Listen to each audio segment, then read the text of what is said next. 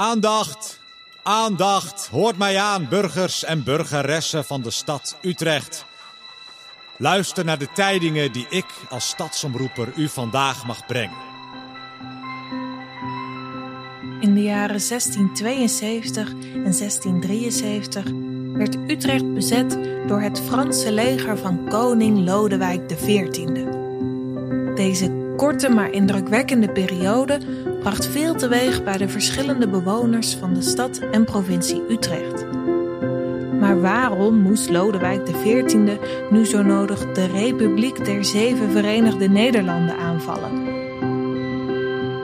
Je luistert naar een podcast van het Utrechts Archief. Mijn naam is Kathleen Verdult en tegenover mij zit mijn collega Floortje Tuinstra. In deze serie nemen we je mee naar de woelige periode die ook wel bekend staat als het rampjaar. Per aflevering hoor je een historisch personage dat aan de hand van archiefstukken uit ons archief leven is ingeblazen door theatergroep Aluin. Vandaag de Stadsomroeper. Allereerst het goede nieuws. De Fransen zijn nu eindelijk vertrokken. Hoera! Maar het slechte nieuws is dat we nog steeds niet van ze af zijn. En daarover later meer, want de stad heeft u nodig.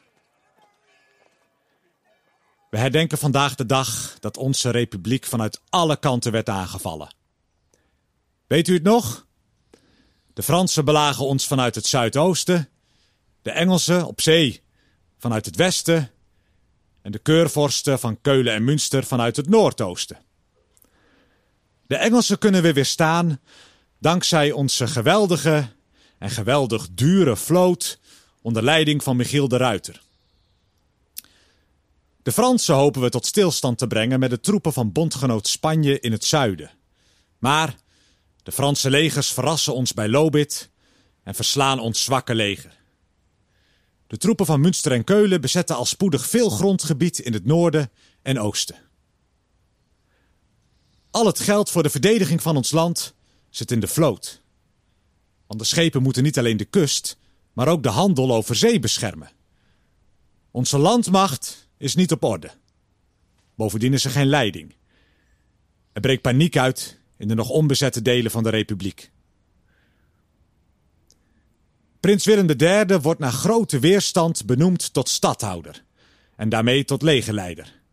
Nu hebben we dus weer een oranje als aanvoerder. Voor- en tegenstanders van de prins bestoken elkaar met pamfletten vol met juiste en valse aantijgingen. Zo worden de tegenstanders van de prins verantwoordelijk gehouden voor het falen van het leger. En ontstaat er steeds meer verzet tegen de bestuurders van de republiek. De regenten Cornelis en Johan de Wit worden uit hun ambt gezet en door boze burgers gelincht. Een moord waar niemand trots op mag zijn. De waterlinie wordt in werking gesteld. Het midden van ons land, van Muiden tot aan Heusden, komt onder water te staan. Dat vertraagt de Fransen. Ze treuzelen. Ze rekenen op onze totale overgave en daarmee wachten ze te lang. Na een aantal mislukte missies slaagt prins Willem III erin de aanvoerlijnen van de Fransen af te snijden. Admiraal de Ruiter weerstaat de Frans-Engelse vloot. Het leger van onze bondgenoot Brandenburg nadert. En elders in Europa laaien conflicten op waar de Fransen hun legers voor nodig hebben. Ze trekken zich terug. En ook de bisdommen van Münster en Keulen houden het voor gezien. Na ongeveer 17 maanden verlaten de troepen de bezette provincie. Tot zover de bezetting in het algemeen. Floortje, dat rampjaar. Hoe zat het nou precies? Ja, het rampjaar 1672, zoals het vaak uh, wordt genoemd, duurde in werkelijkheid tot 1673 in Utrecht en 1674 in de uh, paar andere provincies. En veel mensen kennen de riedel, uh, radeloos, reddeloos, redeloos. de regering was radeloos, het volk was redeloos, kwam namelijk in opstand. En daardoor was het land reddeloos. En dat was deels waar, deels niet waar. Uh, Holland bleef gespaard, maar de oostelijke provincies, waaronder Utrecht ook, werden onder de voet gelopen door het leger van Lodewijk XIV, die daarbij hulp kreeg van zijn bondgenoten, Engeland en de bisschoppen van Münster en Keulen. En Lodewijk XIV was de zonnekoning. Uh, en die was toen net uh, zijn machten aan het uitbreiden. En hij was jaloers op uh, de rijkdom van de Republiek. Ja, want de zonnekoning, zo wordt hij dus genoemd. Zo noemde hij zichzelf ook. Hij zag zichzelf als het centrum van het universum. En hij kon het niet uitstaan dat de Republiek nou ja, een rijk land was. Precies, nee, nee, nee. En uh, Engeland was het met hem eens, want die hadden last van de concurrentie van de Nederlandse handelsvloot, terwijl ze zelf ook uh, vlootambities hadden. En het probleem was, we hadden een goede vloot, die was goed onderhouden, maar er was te weinig geld gestoken in het landleger. En daardoor konden ze uiteindelijk toch zo Nederland binnenvallen en overrompelen. Dus ze zijn ergens in juni 1672 de Rijn overgestoken, die heel laag stond vanwege de droogte. En stonden binnen een paar uh, dagen bij Utrecht. Gedurende 17 maanden was Utrecht een bezette provincie. En dat gold ook voor de Overijssel en Gelderland. Uh, verder dan Utrecht zijn ze niet gekomen. Want Lodewijk was zo zeker van zijn overwinning dat hij geen haast maakte. En tegen de tijd dat hij bij Utrecht was, stond uh, de waterlinie al onder water en die beschermde Holland. Wat was die waterlinie? ja, de waterlinie was een verdedigingsgordel bestaande uit water. Ja, de naam zegt het al waarmee je de lage polders tussen Utrecht en de, samen tussen de provincie Utrecht, of deels in de provincie Utrecht en het west-oosten van de provincie Holland, um, onder water kon zetten. Want dat is natuurlijk, staat laag. Uh, je zet de sluizen open en het loopt onder. En het stond niet boomhoog of zo, of tot boven de daken van de huizen, maar het stond kniediep. En dat betekent dat je dus er niet makkelijk doorheen kan waden of met een paard er doorheen kan gaan. Maar ook dat je er niet met een boot op kan varen, want die schraapt over de grond. Dus het is gewoon, je komt er gewoon niet doorheen. Dus dat ja. Rijk Holland, die was beschermd door de waterlinie. Ja. Dus Amsterdam, Den Haag, noem maar op. En Utrecht zat er net voor. Ja, die hadden net pech. Die vielen er buiten. Dus die, uh, dat was het, het laatste stukje wat, als een, wat toch toch werd bezet door de Fransen.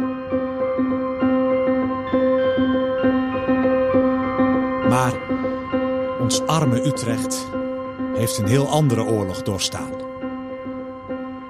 De waterlinie ligt ten westen van Utrecht. Stad en provincie blijven onbeschermd achter.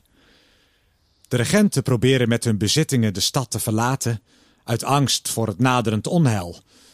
Burgers komen in opstand tegen dit laffe gedrag en eisen de sleutels op van de stad. De prins biedt bescherming aan, onder één voorwaarde. Alle bebouwing ten noorden van de Weertsluis moet worden platgebrand Anders heeft de prins geen uitzicht op het schootsveld. Dit is niet alleen zeer onwenselijk, het is ook praktisch onmogelijk. Als de prins dat hoort, trekt hij verder met zijn leger en laat ons onbeschermd achter. Want ook onze eigen mannen zijn elders. Zij zijn bij Nijmegen gelegerd om de republiek te beschermen. Er is niemand om de stad te verdedigen. Wij kunnen dan ook niet anders dan ons overgeven als de vijand voor de poort staat. De Franse bezetting brengt ons aan de rand van de financiële afgrond. Ze eisen enorme geldbedragen en anders zullen ze de stad verwoesten. Daarnaast moet er een ingekwartierd leger van ongeveer 8000 man worden onderhouden door de burgers. Nu zijn de Fransen vertrokken. Hoera! We staan hier onder de feestelijke erebogen ter ere van de prins, de overwinnaar. In de straten wordt feest gevierd en de dom wordt weer protestant. Beelden en altaren worden verbrand en het wachten is op de staatse troepen. Maar als die arriveren is de prins er niet bij en blijkt dat onze stad van verraad wordt beschuldigd. We hebben te makkelijk voor de vijand gebogen.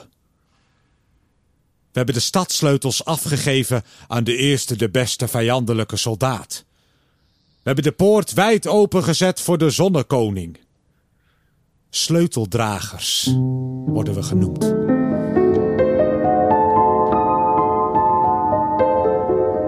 Ja, die stadomroeper die spreekt van sleuteldragers. Waar komt die naam vandaan?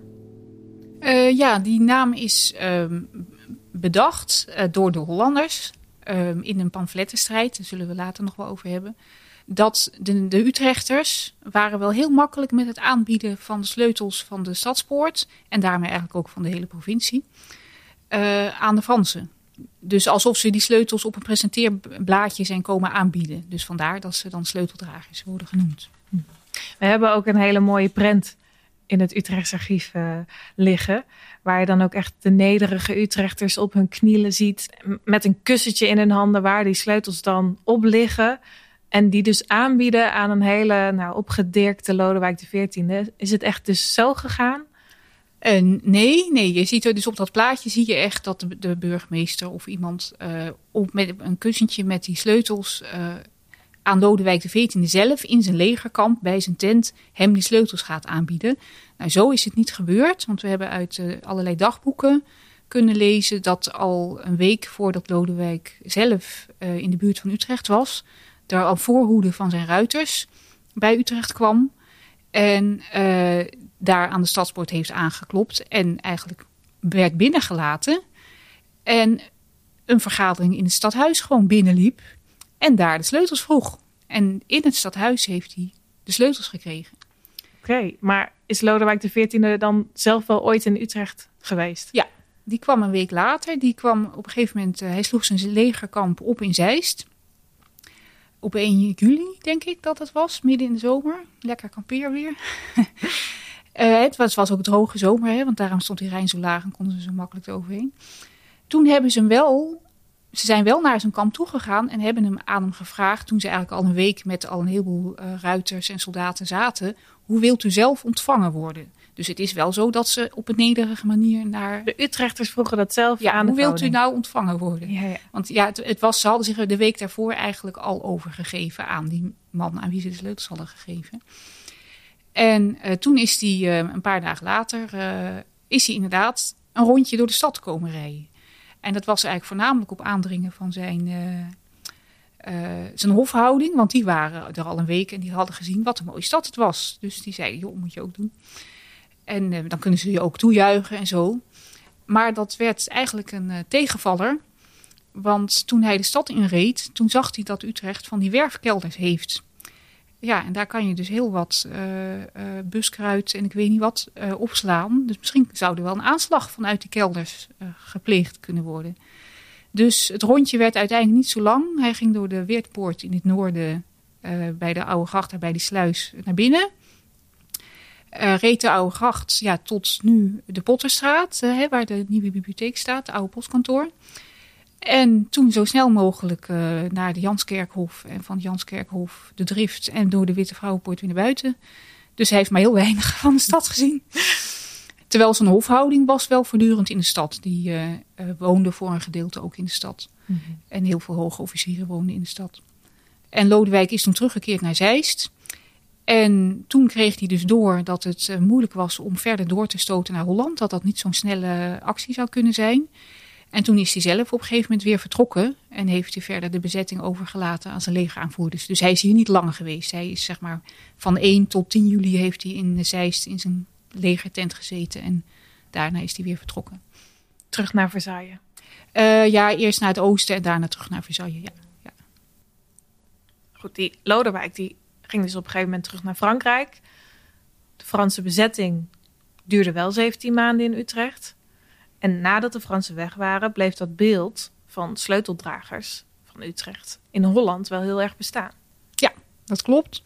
En zij lobbyden er eigenlijk voor dat Utrecht uit de Staten-Generaal zou worden gegooid. Wat dus, was de Staten-Generaal ook weer? Nou ja, dat was de verzamelde vergadering van alle provincies samen. En die waren samen een, samen één republiek, de Republiek der Zeven Verenigde Nederlanden.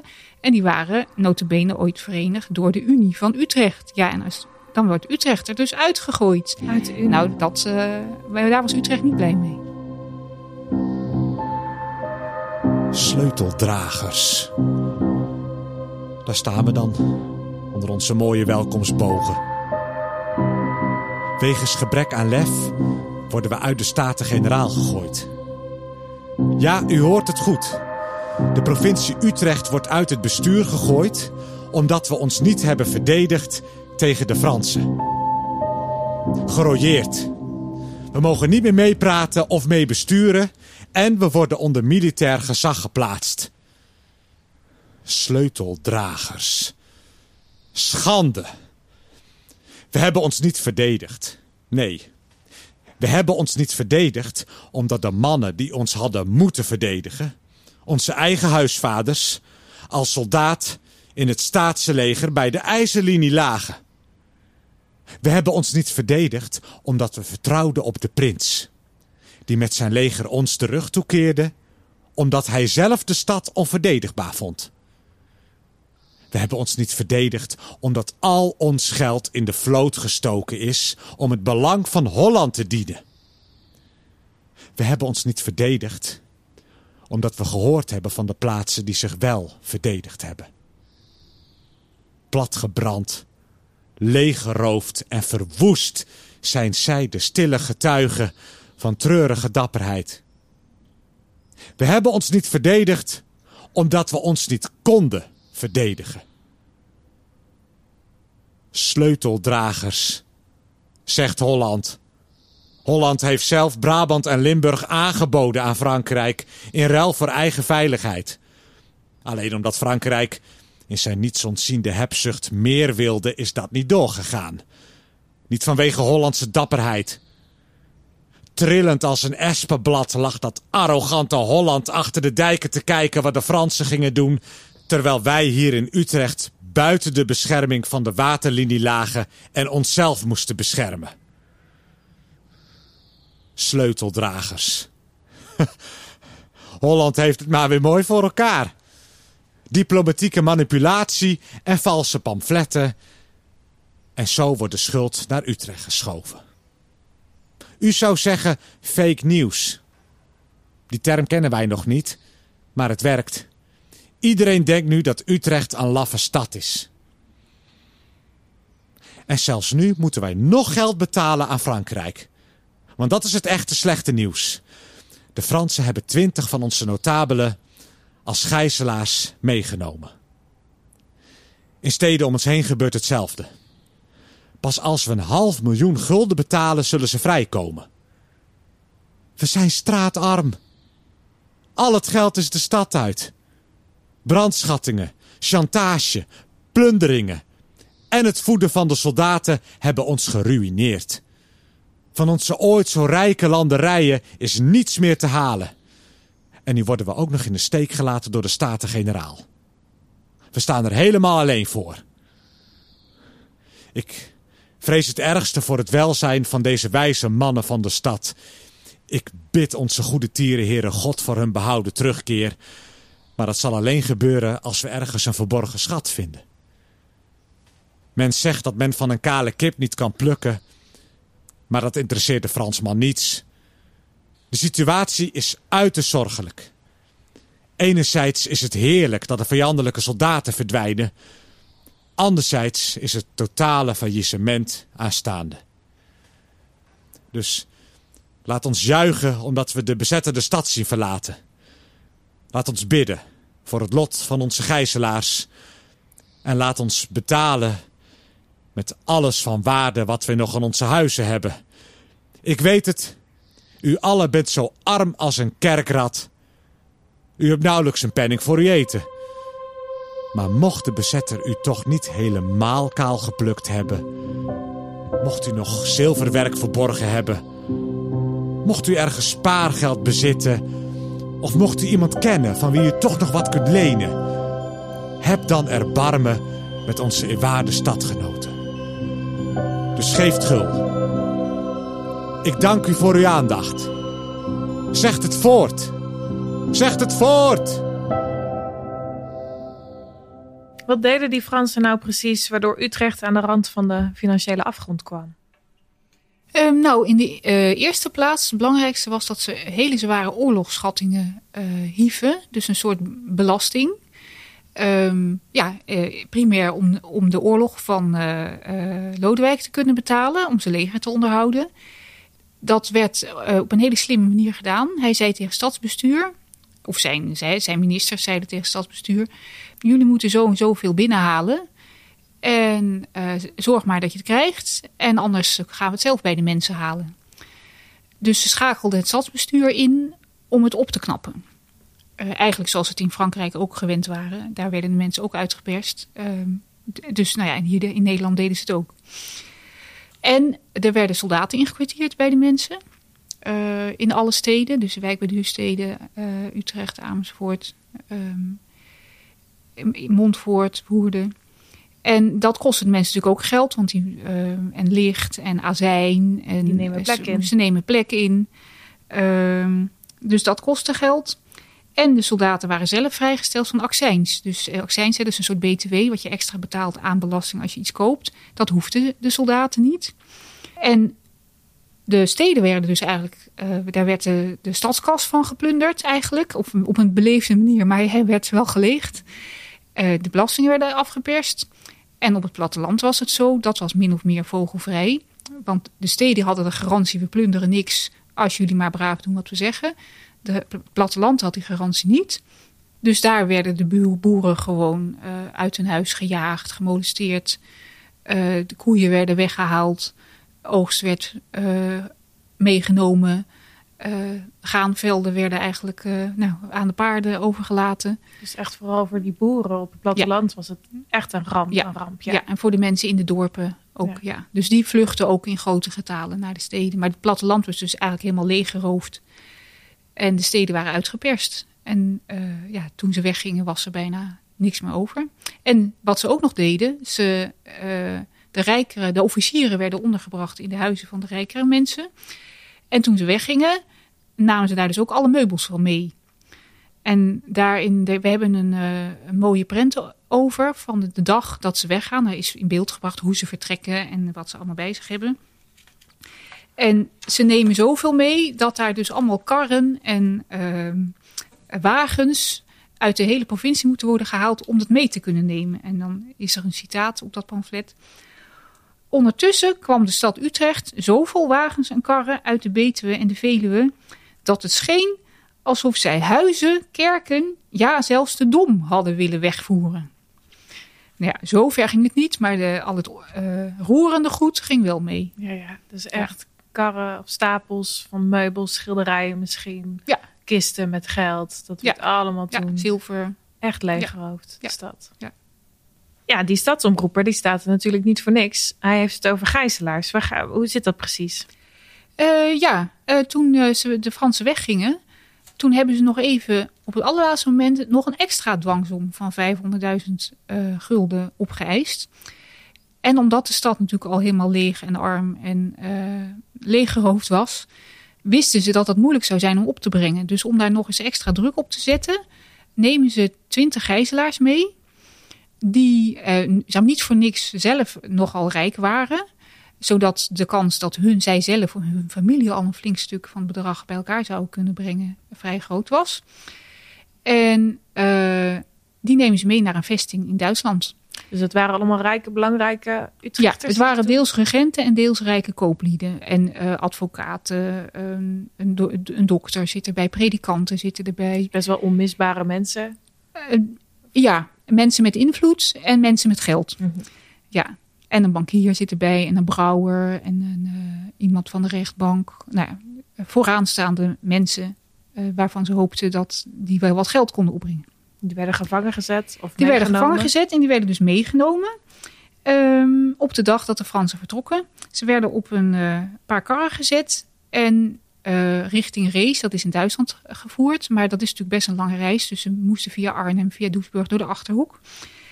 Het sneeuwt, dus vlakbij Doetinchem raken ze vast in de sneeuw. In een dagboek heeft iemand geschreven over die ervaringen. De eerste nacht dat ze uh, gevangen zijn genomen, de dag voor ze vertrokken, zitten ze in De Dolfijn, dat is het huis van de officier. Daar bleven we de hele nacht door soldaten bewaakt en mochten niet naar het secreet, dat is de wc, behalve in het gezelschap van twee soldaten met ontblote degens. Nou, en dan gaan ze de volgende dag vertrekken. S'morgens reden we van Doetinchem naar Anholt, dus dat is eigenlijk weer een dag later, met groot gevaar om telkens om te vallen, omdat de wegen s'nachts met sneeuw waren bedekt en er geen spoor meer was. De voorste wagen viel tweemaal om en de tweede wagen, met de zwakste paarden, kon nauwelijks voort. En vanwege de gestadige sneeuw en de bedekte wegen hadden we gidsen nodig, die ons door veel omwegen, wegen, over het land en door het water eindelijk s'avonds ten zes uren binnen race brachten. Het was een barre tocht voor het was voor hen een barre tocht. En het waren dus nogal rijke mensen die gewend waren aan een luxe koets. Dus dit was voor hen eh, niet wat ze gewend waren. Nee, want voor boeren is dit eigenlijk, ja, dan moet je gewoon af en toe door de sneeuw heen ploeteren. Ja, daar is dat eh, minder een probleem Ja. voor. Ja, dus het is ook maar wat je gewend bent Ja. natuurlijk. Ja, En, en ze werden dus opgesloten daar eh, in race. De eerste helft van het geld was vrij snel bij elkaar. Maar de- ja, het wordt natuurlijk steeds moeilijker als je al je bronnen hebt gehad. Dus met kerst zaten ze er nog steeds. En toen hebben ze een soort brandbrief geschreven. Jongens, wij zitten hier nog. Betaal de rest alsjeblieft ook. En we hebben zelf alweer extra leningen afgesloten. Dat kunnen jullie ook doen. En nou ja, de stad en de staten van Utrecht hebben beloofd dat je het met rente van 6% terugkrijgt. Dus dat moet lukken. Een beetje vergelijkbaar eigenlijk ook met een, een gijzelaarsvideo, hè, die, je, die je nu ook wel hebt. Dat mensen onder druk worden gezet eh, om zo'n video op te nemen. Dus ik denk dat die brief ook wel onder druk van de Fransen zal zijn geschreven. En de dreiging is dat ze niet meer lekker, of lekker, ze zitten met z'n twintigen op twee kamers. Dat ze in plaats van die kamers de kerk erin gaan. Ehm, en dat hun vrijheden nog verder worden beperkt dan ze voor hun eigen begrippen al waren. Nou, uiteindelijk komt het geld er. En in februari 1674 kunnen ze weer naar huis. Ze hebben zo'n drie maanden toch wel daar gezeten. Ja, november, december, januari, februari. Ja, bijna Ja. vier maanden. Ja. Oké. En was dat, gebeurde dit alleen in Utrecht, die gijzelaars? Nee, het gebeurt in andere steden ook. In eh, andere eh, provincies ook. Eh, ik ken een voorbeeld uit Kampen en een uit Maastricht. In Maastricht hebben ze nog eindeloos een gijzelaarsbelasting gehad. Tot in de 18e eeuw hebben ze dat moeten afbetalen om nou ja, het geleende geld terug te kunnen betalen. En in Kampen is een voorbeeld, daar is er niet betaald voor de Oh, mensen. Dus die die hebben- gijzelaars daar nog steeds Nee, ze zeggen, ja, dat zou je denken. Nee, ze hebben uiteindelijk met behulp van eigen familie en hun eigen vrienden het geld kunnen opbrengen. Of een deel, in ieder geval genoeg om vrijgelaten te worden. En eh, ze waren zo berooid vervolgens dat ze hun huis hebben moeten verlaten, zijn weggetrokken uit de stad. En die huizen zijn afgebroken. En ja, dat is nu het eh uitgaanscentrum van Kampen. Eh, en dat is, verder is er niets meer wat aan ze herinnert. Dus dat is wel een, ja, het, het kan dus nog slechter aflopen dan die, die Utrechtse hebben nog geluk, geluk gehad. Goed, die Fransen die waren weg. De gijzelaars waren terug. Eind goed, al goed. Ja, dat zou je denken. Maar er zat nog een addertje onder het gas. Want ze dachten, mooi, Franse bezettingsleger is weg. Nu komt Willem III, die halen we in met mooie versierde bo- eh, triomfbogen en zo. Maar nee, Willem III kwam niet. Er kwam een Nederlands bezettingsleger. Want ze hadden nog goed onthouden, eh, die Utrechters hebben zich wel heel makkelijk overgedragen. Die sleuteldragers, die willen we misschien wel helemaal niet meer in de Staten-Generaal hebben. We gooien ze eruit. Ehm, dus dat heeft ook nog even geduurd. Maar uiteindelijk zijn ze gelukkig toch nog wel weer toegelaten tot de Staten-Generaal. Maar dat is een heel ander verhaal. Dat is een heel ander verhaal. Dat gaat ook allemaal. Dat is dus na het rampjaar. We gaan het vooral nog over dat rampjaar zelf hebben. Klinkt echt allemaal als een pittige tijd. Volgende aflevering, dan gaan we praten over hoe die Fransen echt aan de poorten stonden in Utrecht. En nou, wat dat allemaal teweegbracht voor de stadbewoners daar in die tijd.